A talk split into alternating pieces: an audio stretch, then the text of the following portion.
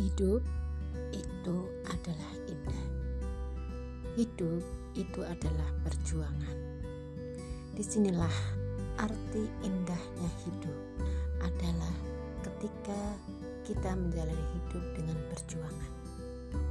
Kita akan bercakap-cakap dengan orang-orang hebat, wanita hebat yang berjuang dalam kehidupannya, sehingga dia bisa memaknai hidup itu adalah